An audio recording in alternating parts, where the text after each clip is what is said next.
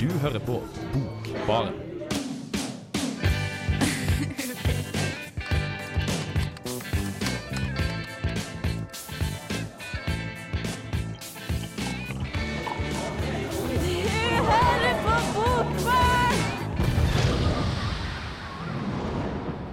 Hei, hei, og velkommen til Bokbaren. Eh, akkurat i studio nå har jeg egentlig bare med meg Vetle. Ja, hallo. Jonas, nei, faen, ikke meg. Johannes sitter ute og mekker fremdeles på uh, ukas dikt. Men i dag har vi en veldig moderne sending. Vi skal nemlig snakke om litteratur og internett. Noe som er for en gangs skyld høyst aktuelt. Og uh, Vetle var uh, opphavet til den ideen, for han er veldig glad i Reddit. Ja, Reddit er jo verdens største forum. Eh, Du finner, du finner subreddits som omhandler hva som helst, inkludert litteratur. Det fins mange av dem. Så jeg oppdaga ganske mye kul litteratur eh, gjennom Reddit. Ja, jeg er helt enig. Jeg digger Reddit. Eh, De har folk, altså books, eh, writing prompts, no sleep. Det er mye bra der. Men vi skal også snakke litt om e-bøker og eh, The Martian, som er en veldig kjent film, men det er veldig få vet at det også var en bok før det ble en film. Men før vi kommer dit, så skal vi høre 'Sinful Windborn' av Motorpsycho. Eh, Ja, jeg heter Dag Solstad, og dere hører nå på Bokbaren, og der er altså jeg. Jeg alltid syntes at Dag Solstad har så irriterende stemme, men det er ikke det vi skal snakke om. Vi skal snakke om e-bøker. Og heldigvis så har eh, alle i dette studio faktisk eh, sånn eh, erfaring med e-bøker. Vi har jo tross alt lest Harstad sin roman på nettet. Ja. Og eh, Johannes, du leste den på iPaden din. Hva synes du om det? Nei, jeg likte ikke det noe særlig, egentlig. Det var det er helt annen opplevelse enn å lese bok. Du må liksom scrolle nedover sida der, og nei, nei, nei. Det likte jeg ikke noe særlig. Nei, jeg leste den også på iPaden min. Jeg syns det var ganske greit, egentlig. Det, den, eh, den er lett å ta med seg rundt og sånn, men, eh, men det mister veldig mye av sjarmen når du ikke- har en faktisk bok å, å bla i. Jeg er enig, det, det er jo, Du kan jo ta med deg boka rundt omkring, men jeg, men jeg er enig til å miste skjermen. Og så er det noe med det at, eh, at um, altså, Det er kanskje litt rart argument, men altså det, jeg føler at den iPaden er en ekstra ting du må dra med. da. Bøker må du alltid ta med til skolen, og bøker er liksom noe som er Du skal lese en bok, så må du ta med en bok. Men sånn, hvis jeg ikke skulle bruke iPaden den dagen, så måtte jeg, å ja, så måtte jeg ta med iPaden òg. For å få lest den boka. da. Ja, men altså iPaden er jo stor og tung og forferdelig å bruke. Jeg, jeg er en Kindle som jeg kjøpte for en stund tilbake, og Kindle er genial på alle mulige måter. For den er liten, den er lett, og den får på en måte plass. Det er ikke en ekstra ting. Jeg har den med meg i dag, faktisk. Jeg har den i innerlommen i jakken min. Den er så liten og enkel å ta med seg. Og så er det jo eh, Får du kjøpt Kindle i forskjellige størrelser, eller én? Jeg tror de, de, de, altså, de har ufattelig mange forskjellige Kindle i forskjellige størrelser. Mm. Jeg kjøpte den billigste versjonen, for jeg, trenger ikke noe mer enn det. Men noen av de har sånn touch display, noen har internett. Mm. Noen er på en måte Og, og så er det sånn e-ink-display, ikke sant. Mitt største problem med å lese på nettet Det er at du- du ser at skriften ikke er fin. Altså Det er et piksel, det er helt jævlig. Det har vondt i øynene etter en stund. Og eh, Mens på Kindle så er det faktisk ordentlig black i det I displayet, på en måte. Så gjør det veldig mye Mm. enklere å lese. Mm, så det føles ut som å lese ei bok. Du ser på, Ja, du ser på skjermen. Men Kindle mister jo også sjarmen på sin Altså på en måte for Det er noe med det der å ha papir. Ja. Virkelig, altså papir, Det å bla i bøkene, det å kunne tegne i de og streke under og alt sånne ting. Ja. Men jeg har en kompis som har en Jeg tror ikke Kindle er en annen produsent som produserer sånne eh, lesebrett. da, Og han har sånn eh, at eh, du kan skru, justere lyset sånn. Lyssettinga sånn. Har du det? At du kan, Hvis du ligger i senga di i mørket da, og leser, da, så kan du liksom skru ned lyset så, skjer, så det ser ut som ei bok òg. Nei, nei, min er ikke så fancy. Den har ikke bakgrunnsbelysning, så Nei, nei, ok. Nei, men det høres, faktisk eh, høres kult ut, da.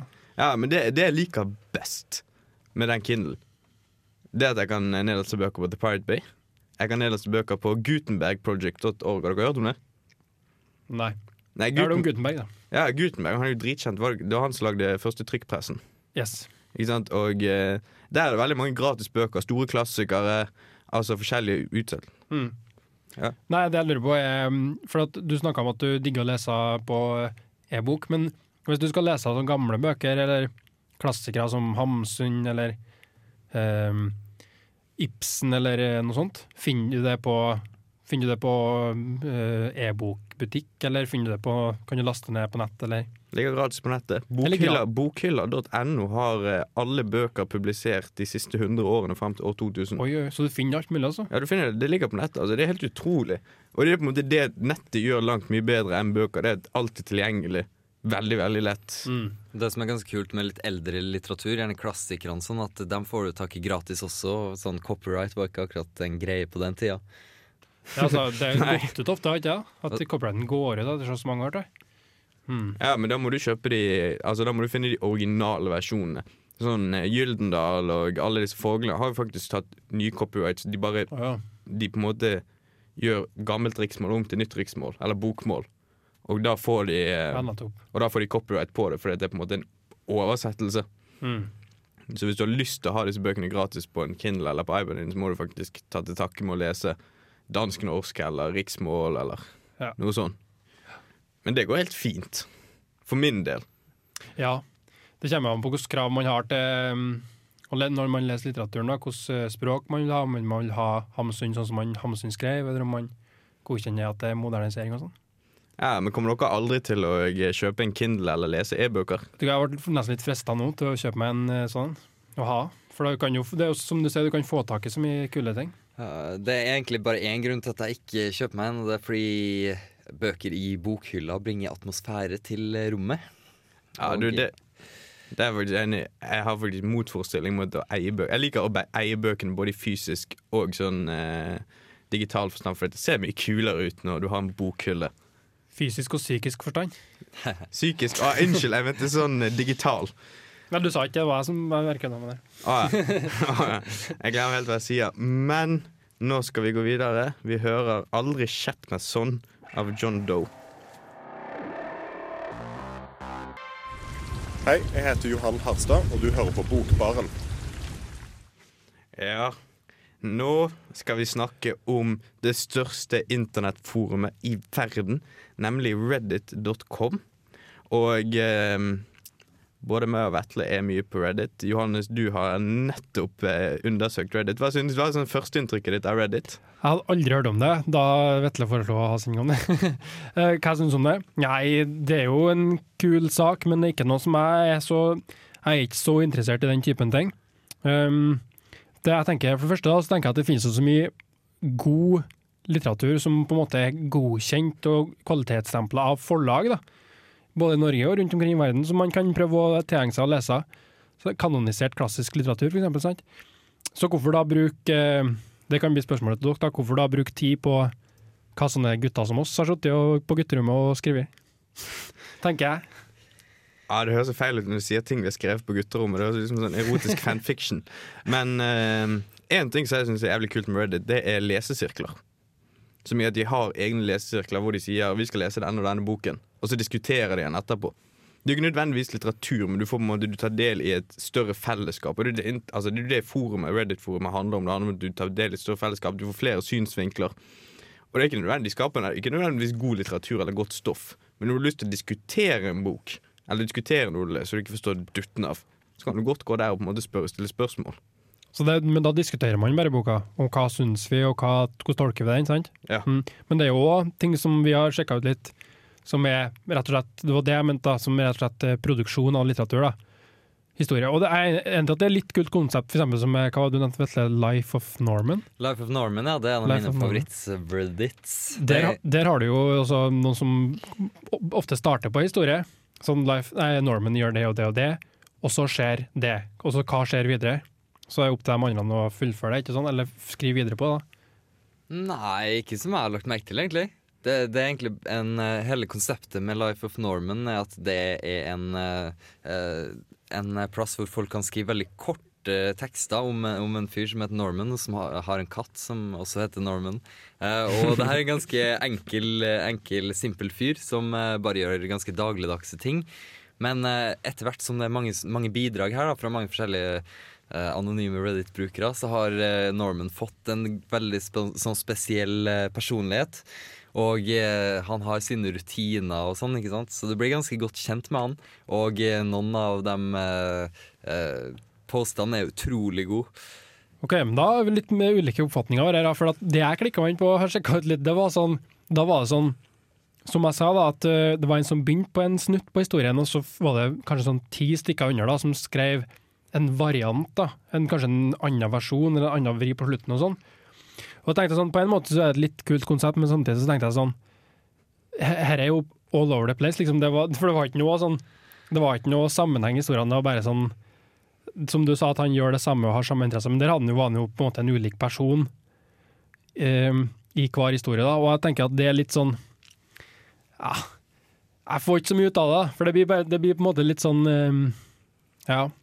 Jeg ser ikke helt den store litteraturen i det. at ja, Nei, nei, men det som er Ok, det er ikke stor litteratur. Det skal du på ingen jeg, skal, jeg skal på ingen måte påstå at Life of Norman er stor litteratur, men det som er så kult, er at det, det er demokratisk.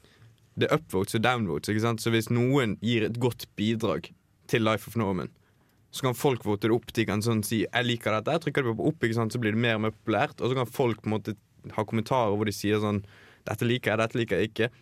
Og da er det jo nesten sånn statistisk sett umulig at det ikke kommer noe god, altså noen gode bidrag ut ifra dette. Mm.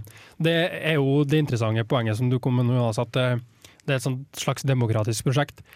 Så jeg er jo litt gammeldags på den måten at jeg på en måte vil helst hatt et forlag som er sånn eh, ja, kapitalistisk og institusjon, som på en måte har sagt at her, her er ei bok, her er bra litteratur. Da først eh, tenker jeg at ok, det er interessert i, det vil jeg se. Så på en måte så er det jo litt kult, som du sier, at det er alle kan gjøre det, men samtidig så jeg er ikke helt enig i at statistisk sett så kommer det noe kult. Det kan jo være bare dritt, og det at mange trykker på liker på, det trenger ikke å si at det er noe bra. Men det, det, dere skal vi snakke litt mer om senere, da. Jeg. Winston Churchill sa at eh, den største sånn, motargumentet mot demokratiet er å snakke med en gjennomsnittlige innbygger. Altså, folk generelt er ganske dumme og har ikke noe sånn eh, forståelse av kvalitet. Men eh, det, et, et, en annen subreddit det er jo writing prompts. Og der er det faktisk jævlig mye bra. Ja. En gang iblant så oppstår det faktisk perler på den uh, subredditen. Jeg, for eksempel leste, jeg leste en om uh, Gud og djevel som møtes i en bar. Jeg var snakk om, Det var én paragraf, men det var, det var så mye, det var så tettpakket med informasjon at det var på en måte, jeg skjønte at han har faktisk en forståelse av det han skriver om. Og det, det er sånn noen ganger altså, Det er smarte folk på nettet også, og de skaper noen ganger noe bra. Absolutt. Det, det som er så kult med writing props, er at eh, det er så mange gode ideer. For hele, hele måten det fungerer på, at det er noen som eh, poster en, en idé til en novelle, og så er det mange som skriver novelle med den uh, ideen.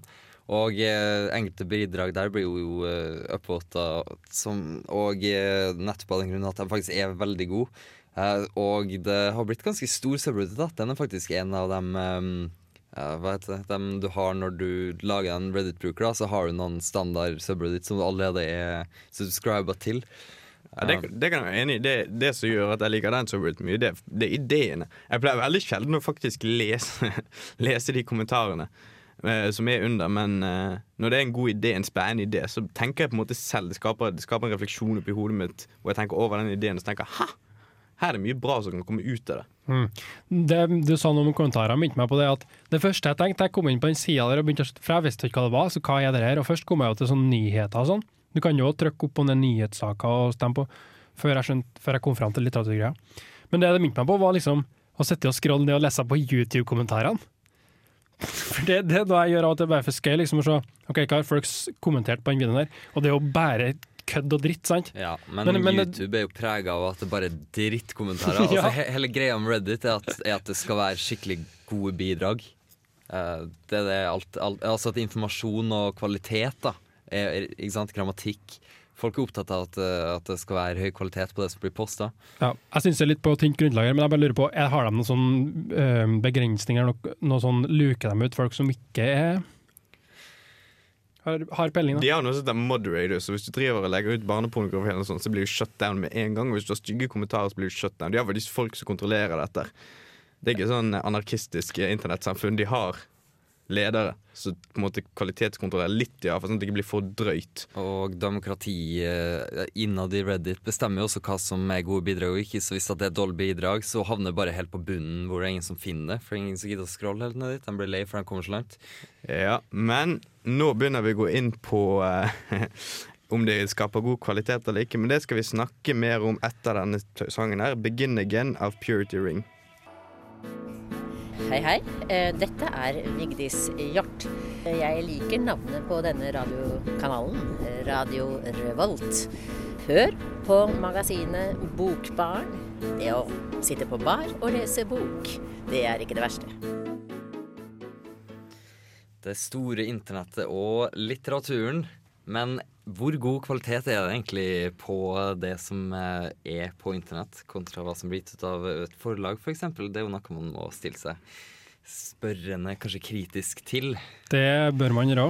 Det, og jeg har, jeg har med et sitat av Karl Ove Knausgård, som ikke har noe med internett å gjøre, men det har med kvalitet i litteraturen å gjøre. Det har jeg funnet i ei essaysamling av han som heter 'Sjelens Amerika', og et essay som heter så mye som eh, Skal vi se, hva heter det? Er det den brune halen? ja, du hørte jo det. Nei, det heter 'Dit ut der fortellingen ikke når', som handler om, eh, som handler om um, redaktøren sin jobb. Forfatter, forfatter har en redaktør, redaktør som hjelper ham å skrive. Ja. Så her prater han om kvalitet. da. For hva er egentlig bra? I den litterære verden handler mye om å finne det originale, finne den egne stemmen, finne det tidligere usette. Det er idealene. Mot dette står begrepet om kvalitet, kanoniserings- og vurderingsgrunnlaget. For når det originale, det egne og det usette foreligger, finnes det ingenting å sammenligne med. Det finnes ingen sikker um, ja, det, det finnes ingen sikker måte å si at dette er bra på. Når boken foreligger, med forlagets logo på ryggen, er det i seg selv et kvalitetsstempel. Mange mennesker med godt litterært ry, som jobber i en velrenommert institusjon, har med dette sagt at dette er litteratur. At denne boken har en verdi. Ja, altså Det er jo Det er noe jeg har tenkt jævlig mye over. Sånn, hva er egentlig bra litteratur, hva er egentlig dårlig litteratur? Og det jeg har kommet fram til, er at eh, folk kan si at noe er bra litteratur. Men jeg kan, jeg kan si meg uenig. Hvem er det som hindrer meg å si meg uenig i at noe er, er bra eller dårlig litteratur? For det, det spørs jo helt på hvem du er. Det er veldig subjektivt. Og, vi, og på en måte det noen folk prøver å gjøre, det gjør det objektivt. Noen, noen bøker eller litteraturer som verker, blir etter hvert ansett som så bra at du ikke kan overse at det er kvalitetslitteratur. Men det betyr fremdeles ikke at jeg kommer til å anse det som god litteratur for min egen del. Jeg er helt enig med deg, og det er jo det um, godeste Karl Ove Knausgård snakker om her, da, at, um, at du har jo her kanoniserte litteraturen, den gamle litteraturen, som alle i hermetegn alle er enige om er bra. da. Men når det er snakk om ny litteratur, hvis du setter deg ned i bok, eller jeg setter meg ned og skriver bok, så, så kan du ta det og legge det som fasit for den nye boka, for den nye boka vil jo skrive noe nytt originalt. Så da er, som du sier, spørsmålet hva er det som er bra? Og videre sier Karl Ove Knausgård her at han har vært med og lest eh, innsendte, innsendte manuskript på nye bøker. da. Og Se for dere det å sitte i et forlag og få et manuskript. Du vet ikke hvem det er som har skrevet det, vet ikke hva han heter, eller han eller hun. Du bare har en tekst framom deg, så skal du vurdere hva er det her for noe. Er det bra eller er det dårlig? Det er helt ekstremt vanskelig, Svein. Og det kan jeg se for meg. At, eh, for da har du jo bare din egen følelse og hva du synes om det. Hvordan du vurderer det. Ja, men da må du ha, du må, måte, du må ha en ramme, rett og slett, for hva du anser som god litteratur. Det må du ha, det jo, så derfor ansetter de jo folk med kompetanse antageligvis i forlaget. Men det, men det jeg tenkte å si var, at når du leser på Reddit, så er du på en måte tilbake i den situasjonen. da. Du har ikke på en måte forlagets trygghet, som, eller eh, tryggheten som er i at et forlag har sagt her er gitt ut, her er bra. Du må på en måte gjøre den jobben sjøl. Og jeg tenker at det er Min mening at det er jo ekstremt vanskelig, og det er jo på en måte noe som ikke kanskje mange på Reddit gjør. da, De bare leser det, tar det for god fisk, og så er det ikke noen kvalitet der, tenker jeg. Nei, Hva tenker dere? Altså, så lenge de liker dem leser, så er det ikke noe problem. Nei, det er ikke noe problem. men det Det er ikke, men, men, men blir det god litteratur av det på det? Ikke, ikke nødvendigvis, for um, det jeg tenkt mye over, det når jeg leste Nietzsche, som ikke ble lest i sin samtid noen gang. Ikke sant? Han ble først ansett som en god forfatter etterpå, så de som er tilstrekkelig originale, eller tilstrekkelig kreative med tankene sine, de kommer ikke til å bli likt av samtiden. Da kommer ikke demokratiet til å funke, for de kommer til å si at dette er altfor radikalt, altfor dumt. Det ligner for lite på det som man kjenner fra før, ja. Ja, ikke sant? Og eh, i den forstand så er jo det et argument mot Reddits måte å plukke ut god litteratur på, fordi de bruker en og alene demokrati. Ja, Det kan jo være et argument på en måte både for og imot. da, for På en måte så kan du si at kanskje det nye geniale ligger på Reddit, uten at jeg skjønner det, eller vi som kritiserer det, skjønner det. Ja. Men på andre side, kanskje så er det bare dritt der òg. Det blir, jo, det blir jo Poenget er jo at det blir opp til den som vurderer, da. Det blir opp til den som leser, for det finnes ikke noe autoritet der som kan si her er bra, her er ikke bra. Det er jo den eldgamle eh, debatten eh, geni eller idiot. Er dette genialt eller idiotisk? Og det er jo Mm. mange sånne folk som sier sånn Jeg lanserer noe nå, enten så er det genialt eller så er det idiotisk. Mm. Mesteparten av det er dømt til å være idiotisk. Og dårlig. Beklageligvis. Ja, jeg tipper at mange av dem som skriver på Reddit, har kanskje enten ikke prøvd, eller hvis de har prøvd å bli forfattere, så har de kanskje ikke fått det til. For har de, hvis, du, hvis du er forfatter, så trenger du ikke å publisere historien på Reddit, da. Tenker jeg. Det er mange som starter på Reddit, da. Det er jo det. Og Og, fått, eh, hjelp, f.eks. posta i Destructive Readers, som er en post-Reddit, hvor de poster liksom starten på en bok, f.eks., og så får de konstruktiv kritikk, og så til slutt så har de eh, en bok som er ferdig, og så har de faktisk fått gitt den ut, da. Boka starter på Reddit. et godt poeng. Vi skal jo, har jo faktisk noen bøker vi skal snakke om litt senere i programmet, som, som har gått akkurat den veien.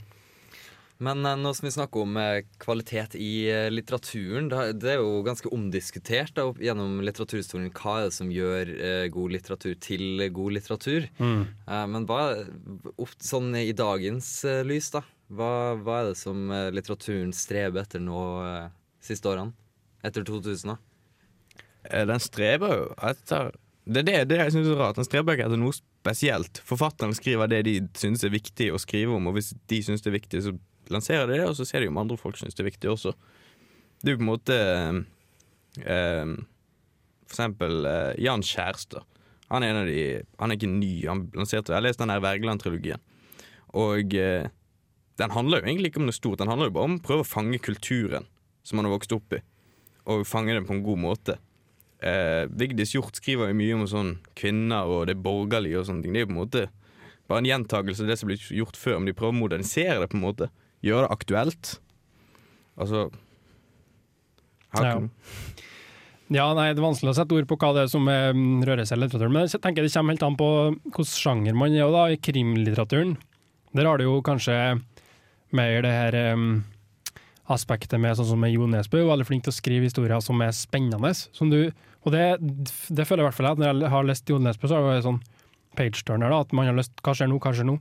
Mens i annen type litteratur som kanskje søker mer mot sånn um, utforskende form, da, så er kanskje det motsatt igjen. Det vil du ikke ha noe spennende. Så er det mer sånn man undersøker en tematikk, da, uten eh, tanke på at det skal være spennende. En ting eh, jeg lyst til, jeg husker ikke helt sitatet, men det er fra autisten Stig Larsson. Der sier han at um, før i tiden så hadde folk troen på en framtid. Derfor hadde de store filosofer, derfor hadde de store forfattere. Mens i nåtiden så har vi ikke noe tro på noen framtid. Derfor er det ingen som gidder å filosofere eller gidder å lage en filosofi for framtiden. For de tror ikke at det er noe framtid. Og det er jo på en måte sant på sett og vis. De største filosofene er jo over 2000 år gamle. De på en måte Sokrates, Platon og de som har skapt sånn store klassiske verker. Som måtte vært kjent jævlig lenge. Skaper vi noe sånn i dag? Er det noe dere vil anse som stor litteratur som er viktig for framtiden? Ja, det, jeg vet ikke, altså, men det, jeg tenker helt, helt annerledes i retning, da, men det oppdages jo vitenskapelige ting. da, altså, Hvis du tenker på vitenskapsmenn, som, de er jo ikke filosofer, da, det blir ikke rett å si, men altså, det er jo fortsatt mange ting som er igjen å finne ut, som uh, kommer til å snu verden på hodet, tror jeg. For eksempel uh, um, hvordan har universet oppstått, eller hvordan har livet på jorda. Det kan man jo finne ut ting om, som, på en måte, men det har jo ikke noe med humanisme kanskje og filosofi å gjøre, da. Men altså, det er jo, vil jo bestandig være ting og tenkere, tror jeg, som eh, tenker ut nye ting. Ja. Tror jeg. Men Hva er egentlig dere mer sånn personlig da, ser, eh, ser etter i å lete etter i litteratur? For min del så er det ofte mm, Nå har jeg mye bøker jeg må lese pga. skolepensum, men hvis jeg får velge fritt, så er det jo ofte en tematikk. da. At det er en, kanskje en hovedperson som eh, Enten det han gjør, eller den han er, som interesserer meg. At, ja, at det jeg kan kjenne meg igjen i der. Og så klart at det, eh, det må jo være et språk og sånn som jeg syns er interessant. og Jeg prøver bare å finne nye perspektiver i litteraturen. Det at det er andre folk i verden som har tenkt annerledes meg.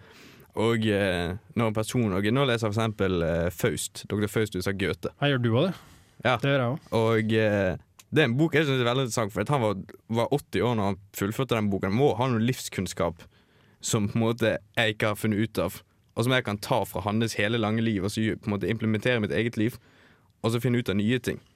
Og, og vanligvis også når jeg har problemer som er knyttet opp til, eh, tanker eller problemstillinger som jeg ikke greier å løse selv, så tar jeg ofte og ser på litteraturen. Og det er jo veldig vanlig, for eksempel eh, den anerkjente eksistensialistiske krisen du har i min alder. Det er utfattelig mange tenkere som har tenkt på det før meg og funnet løsninger på det. Jeg går til litteraturen og så ser jeg, ok, hva tenkte de, hva fant de ut av? Og så ser jeg om det er noe jeg liker. Ja, jeg syns det er veldig kul tankegang du har. Jeg tenker litt likt sjøl at det, så mye tid og så mye krefter har folk brukt på å prøve å finne ut ting. Prøve å legge litt visdom i ei bok. Ja. Så kan man gå dit og lese det. Og lære litt av det. Vi har alle våre grunner til å eh, plukke opp en bok, men eh, nå først får du I Have The Right To Go To Syden av The Pixel.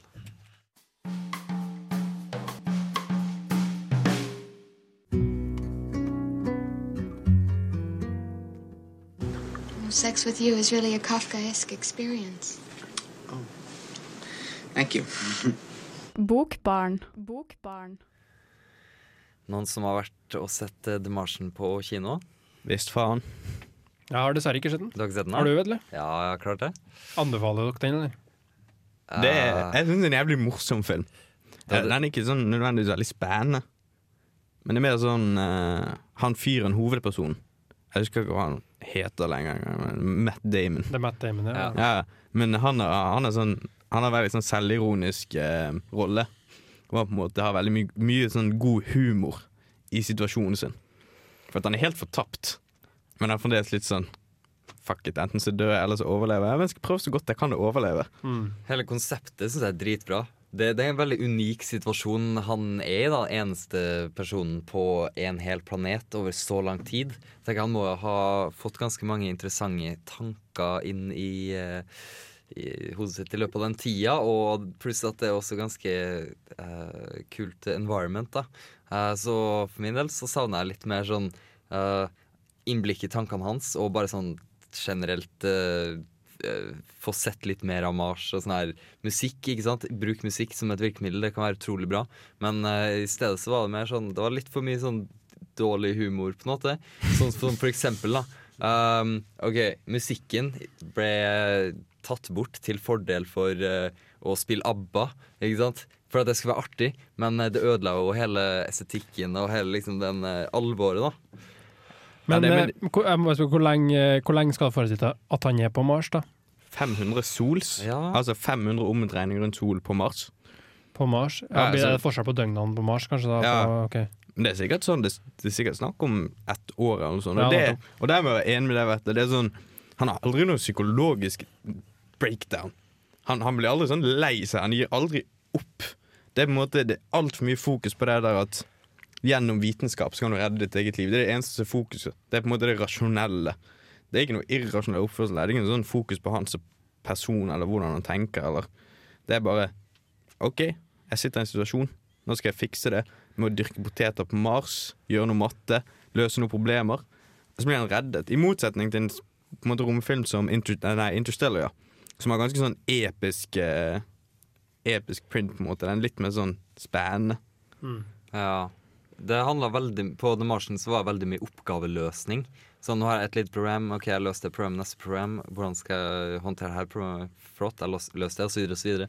Eh, Men sånn, ja, god sammenligning med Interstellar, egentlig. Der eh, jeg føler det er et mye mer sånn universet, ikke sant, større perspektiv. Eh, Men vi er jo ikke filmofile, da. Det var jo, det er jo det var ikke, Den er basert på ei bok, den Ja, The Martian. Ja, og den boka, jo- den, hvordan ble den begynt å skrive i? Han skrev vel Det var vel en blogg Ja. sånn, hvor han skrev eh, dagbok-entries. Som på en måte fra han er fyren som er på Mars, da. Og så Fra Fra førsteperson, sånn sjølopplevd? Ja, ja, selvopplevd. Og Mm. eh, det var jo først gratis. Altså At folk kunne lese det gratis, og at alle sammen som hadde lyst til å lese det, kunne lese det. Og så eh, etter en stund så ble folk litt fed up fordi det ble så stort. Så jeg samlet han alt sammen i en bok, og så la han det ut på Amazon. Eh, beklageligvis for han så krever Amazon at du betaler for boken, så han var litt sånn 'unnskyld, folkens, eh, dere må betale for boken min', men han var sånn Han skrev det bare for gøy. Han, er, han fyren som har skrevet det, han er veldig glad i sånn eh, planeter og eh, vitenskap og sånne ting. Han sitter og lager sånn ren regner ut planetbaner for moro og sånne ting. Så bestemte han seg for å lage en bok om det. Så det er jo tross alt Det er nesten en vitenskapsmann som har skrevet en bok om dette. Mm. Tenk den følelsen han har da når han begynte på et sånt prosjekt for artig. Altså først ble det utgitt som en populær bok, og så til en svær uh, Hollywood-film. Men uh, der har vi jo et eksempel på det vi snakka om i stad, at uh, en bok som begynner som et nettfenomen, uten noen slags editering eller, eller noe sånn forlag i ryggen, da, blir, eh, blir populær og slår an blant bokfolk. Ja, men dette er vel kanskje en av de første Ja, den første boken jeg har hørt om som det har skjedd noe sånt med. Jeg har ingen, det er ingen sånn historie som jeg har hørt om som ligner på dette her i det hele tatt. Jeg fikk anbefalt en bok i stad, har dere hørt om den? Det heter um, Pen Pals. Pen Pals. Nei. Eh, som var en del, jo, det var en del av de creepypasta-greiene. Som var um, skrevet av en forfatter som heter Dathan Auerbach, en amerikaner. Så han uh, gjorde Ja, det ble ikke en film, da, men han gjorde det samme. Begynte med det som en historie på en uh, sånn, Det begynte på Reddit, da, som vi snakka om i stad, og så um, hva, hva, gjorde han det til en sånn self-published bok. da. Ja. Så da har jeg eksempel på at det kan gå den veien og bli utgitt som bøker. Absolutt. Men eh, jeg tror vi bør begynne å tenke litt på å snurre i gang eh, ukas dikt. For å komme i stemning til det, så kan vi jo begynne å holde på Dråpe. Nettopp gitt ut ny plate. Her får du Pie in the Sky.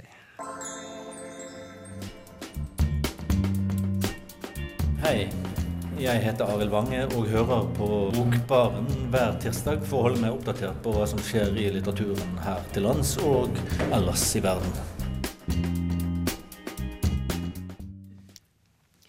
Og nå står uh, ukas dikt for tur. Oh yes. Og i dag så har jeg med et dikt, eller noen dikt rettere sagt, fra en forfatter som heter Torvald Sund. Han er faktisk eh, trønder òg. Han er fra Råkvåg. Det tror jeg ligger i Nord-Trøndelag, på Nord-Trøndelag-sida, ute med kysten der. Aha. Og det var litt artig da jeg fant den boka her, for den eh, har dere sett på biblioteket oppe på Dragvoll. Der har de sånn der eh, boksalg til inntekt for eh, flyktninger, tror jeg. Så jeg bladde litt i de bøkene, og så fant jeg den diktsamlinga her, og åpna den, og så så jeg noen dikt som jeg syntes var litt kule, og så bare kosta den 20 kroner, så kjøpte jeg den. Så jeg har funnet noen eh, dikt eh, inni denne boka her som jeg tenkte vi kan høre på. Det er tre dikt, og de kommer fortløpende her, så her gjelder det å følge med. Jaga vilt. Havørna segler over de tomme husa, freda. Folka som flytta fra utværet, jaga vilt. Dugnadstid. Vi kunne takka nei til mange slags arbeid, men aldri til båtsett når det trongest. Siste gangen vi sto i fjæra, svette og med blå leire til knes, var det som å sjå ei gapande flenge i skroget da båten glei uti den vårgrønne sjøen. Kulturmedvit. Som fluasvermen syg seg på en svett kropp, svermer turistene med Nikon og Pentax kring en glisende same på kaia i Øksfjord. Etterpå får han ti kroner. Filmen? Yes, det var Torvald Sunde. Um, den diktsamlinga her, så er det mange forskjellige dikt, men eh, jeg syns at mange av dem er veldig politisk orientert. da. Det forlaget som har gitt ut det, er Arbeidernes Forlag, og den ble gitt ut i 1979. Så det kan hende at den hadde litt eh, Eller jeg tror, jeg regner med han var veldig sterkt politisk orientert, eh, han karen her da. da. Har dere, har dere noe hørt om Thorvaldsund før? Aldri i hele mitt liv. Um, jeg stiller meg vekk fra å lese sånn uh, arbeiderlitteratur, for det er så jævlig ja, Men det er så jævlig tidsavhengig. Sånn Dag Solstad Ja, Dag Solstad skrev jo fire bøker under sin sånn radikale periode. Det er de dårligste bøkene han noen gang skrevet. Nei, det er kjempeviktige Solstad-bøker. I Solstad sin uh, katalog så er det jo det. Men uansett så syns i hvert fall jeg at det var fine dikt uh, uansett. Da. Har, har dere lest noe kule dikt i det siste, dere? Jeg driver desperat og prøver å forstå meg på Rimbaud. Um, Ikke så- verst. Nei, nei, men han skriver jævlig fint. Det noen dikt som er sånn, er veldig åpenbare å forstå. Så jeg Mm. tror på en måte det er det det handler om. Du på en måte bare, enten så forstår du det, eller så forstår du det ikke. Mm. Altså, Jeg har vært ganske stuck både på Poe og uh, Tor Ulven en god stund nå, for jeg har uh, alle um, skrev, ja, alle diktene som han, de har skrevet i eh, hver sin samling. Det tar litt tid å komme seg gjennom. Jeg koser meg ganske mye med begge to. Mm. For mer og mer, Apropos det, vet du, så får jeg mer og mer øynene opp for eh, Poe. også. Eh, har du lest en tekst som heter Waldemar? Nei. Skikkelig Nei du hva heter han? Waldemar. Som i Voldemort? Nei, nei, nei, Va som i navnet Valdemar. Ah, ja, okay. Som er en sånn slags horror story, da, sånn klassisk Poe, som var skikkelig kul. Ja. Så um, Nei, Poe er fet fyr. Altså. Jeg holder Mm. også på å lese litt om eh, Poe for tida. Mm. Sånn, eh, en slags eh, lang eh, analyse av hans skrivestil og sånn. Det er ganske interessant. Mm. Kanskje vi kan si det sånn at Pau Poe og Rimbaud kan anbefales på det sterkeste for alle, mens Torvald Sund da kanskje er for Spesielt oss som er litt- Ja, oss som er litt spesielt, spesielt interessert i kystkultur i Trøndelagsområdet og arbeiderklassekamp. Ja, men det gjør godt å lese sånne bøker, spesielt når du kjøper dem på bruktsalg Mm. av Fretex. ting. Så Mm. finner du ganske mange interessante bøker som Ja, du ja, aldri ja. ville lest før. Det var akkurat sånn jeg tenkte. Da begynner det å nærme seg slutten. Vi skal høre på Sea Calls Me Home av Julia Holter. Jeg heter Erlend Nøttet, og du hører på Studentradioen i Trondheim. Radio Revolt. Hei, vi i Bokbaren må nesten si ha det bra. Vi skal dra hjem og gjøre oss klar til neste sending, som eh, du burde få med deg. Vi skal snakke om eh, nye boka til Erlend Lo og andre bøkene i Doppler-serien. Hva var det den boka het igjen? Den nye. 'Slutten på verden slik vi kjenner den', tror jeg. Det er en fin tittel, da. Uansett, vi eh, håper du har eh, lært noe nytt og hatt det fint. Vi snakkes. Og eh, som husker vi å eh, takke vår kjære tekniker eh, Fredrik for fantastisk jobb bak miksebordet. Ha det bra. Ha det bra.